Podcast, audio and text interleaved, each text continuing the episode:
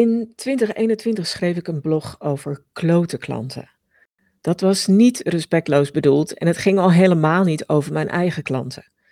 Maar ik hoor ondernemers om me heen vaak wel klagen over hun klanten. En op de valreep van een nieuw jaar leek het me leuk om het eens om te draaien en te kijken hoe je meer echt fijne klanten kunt aantrekken, zodat je straks op een goede manier het nieuwe jaar start.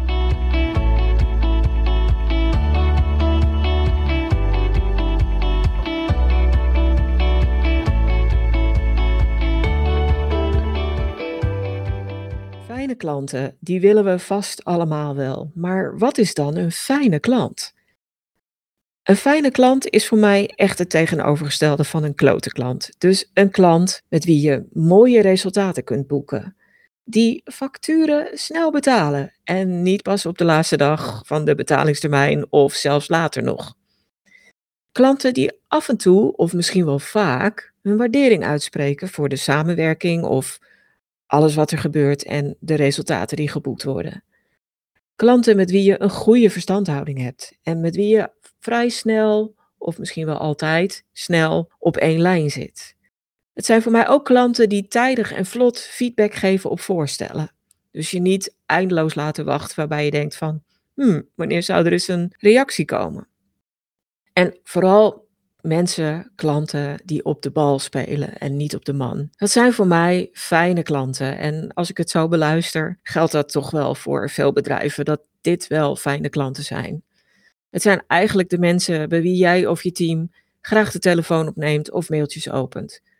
En het lijstje wat ik net noemde lijkt B2B georiënteerd, maar je kunt het lijstje ook vertalen naar B2C klanten, want dat zijn ook mensen die op zich blij zijn met de producten die je levert of de diensten die je levert. Dus fijne klanten hebben toch wel een aantal gemeenschappelijke eigenschappen. En ik hoop dat ik hiermee een aardig lijstje heb genoemd. Maar goed, fijne klanten, die wil je graag hebben. En zodat je misschien eventuele klanten die niet zo fijn zijn, uh, gedag kunt zeggen. Hoe pak je dat dan aan? Nou ja, mogelijk of hopelijk heb je al een beeld van een ideale klant.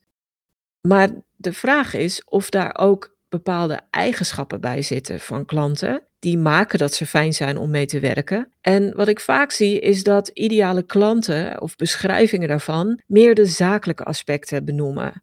Eh, dingen als bedrijfsgrootte, functie, locatie, leeftijd, misschien man, vrouw of iets dergelijks. Maar niet de, meer, um, niet de andere karakteristieken die maken dat het fijn samenwerken is.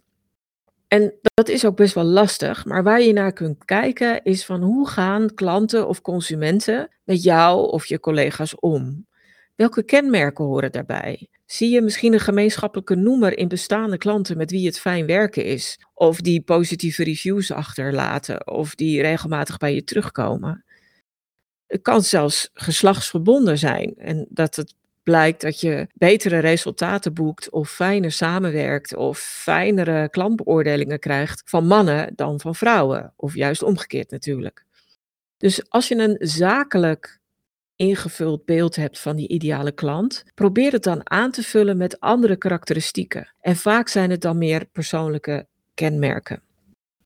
En ja, dan gaat het natuurlijk om hoe trek je ze aan, die fijne klanten. En dat kun je heel goed doen door je content gericht in te zetten. Met content die publiek toegankelijk is, kun je behoorlijk goed sturen welke klanten je aantrekt en welke klanten je afstoot. En publiek toegankelijk betekent vaak dat het gaat om content op je site en content op social media, want daar krijgen mensen de eerste indruk en zit er niks tussen jou en hun indruk en, en jouw content. Soms is een beslistraject langer en dan gaat er wat meer uh, heen en weer overheen en werk je bijvoorbeeld met e-mails en dan kun je die natuurlijk ook inzetten. En ik zie eigenlijk drie verschillende manieren waarop je je content kunt inzetten om de juiste klanten aan te spreken.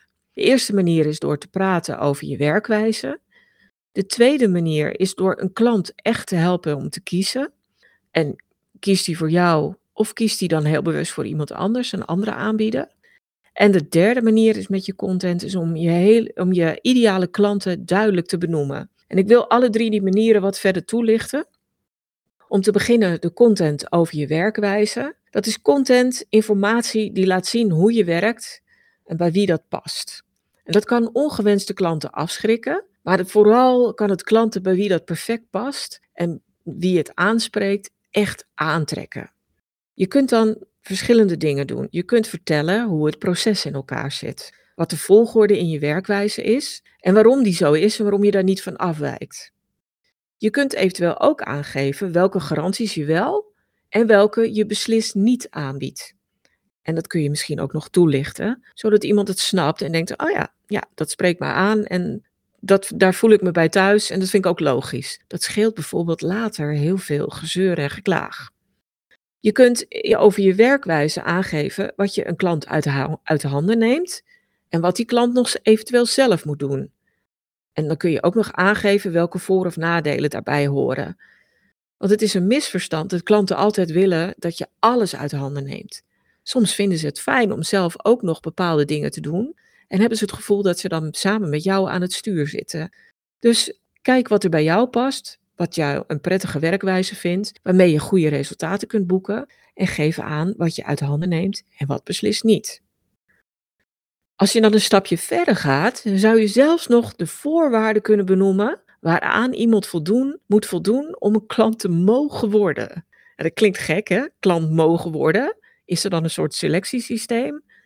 Nou, misschien wel. Je kunt bijvoorbeeld aangeven wanneer je geen offerte uitbrengt, in welke situaties je dat echt niet doet. Of je kunt aangeven waarom je niet meedoet met een bepaald type pitch.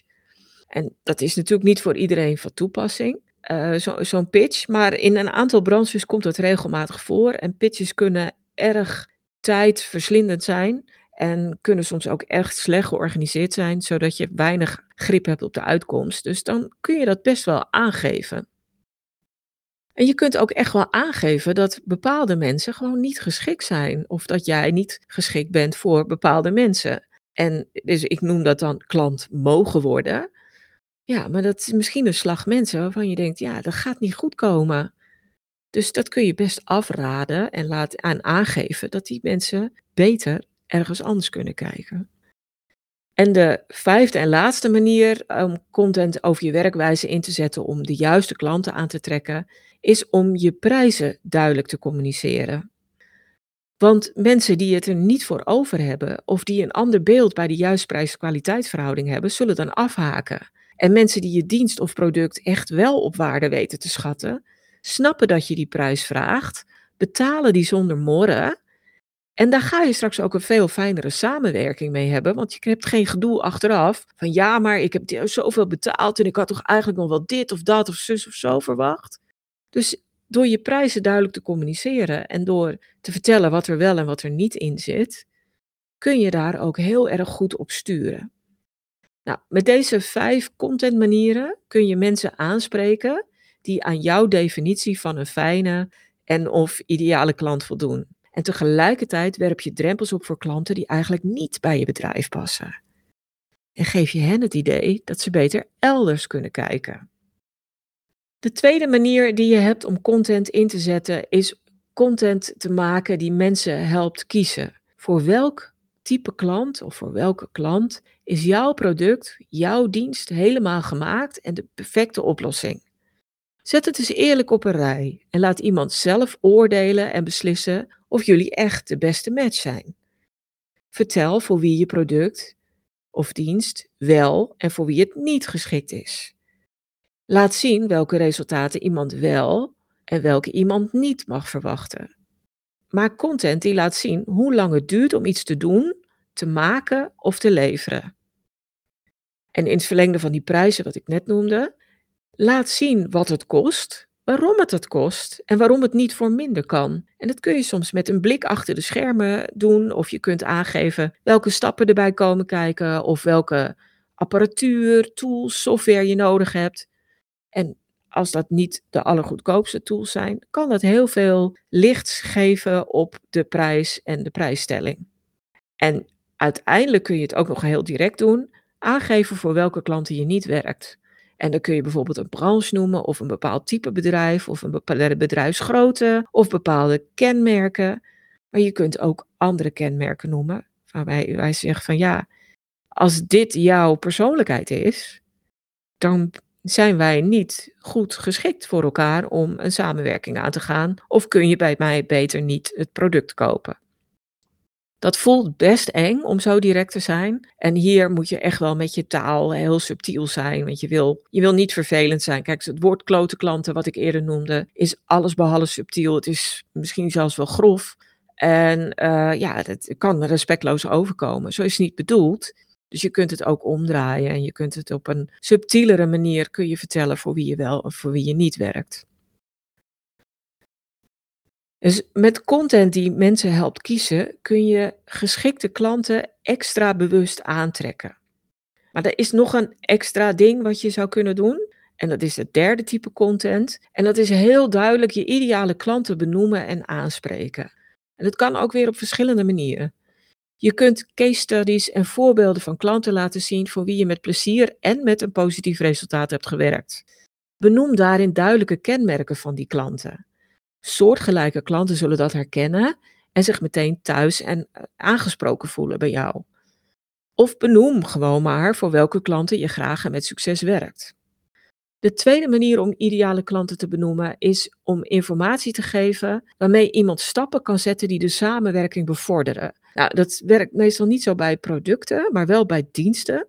En dan kun je bijvoorbeeld noemen hoe iemand zich kan voorbereiden op die samenwerking en hoe die iemand zelf kan zorgen dat hij een goede start realiseert. Bijvoorbeeld omdat een dienst pas werkt als bepaalde dingen al geregeld zijn.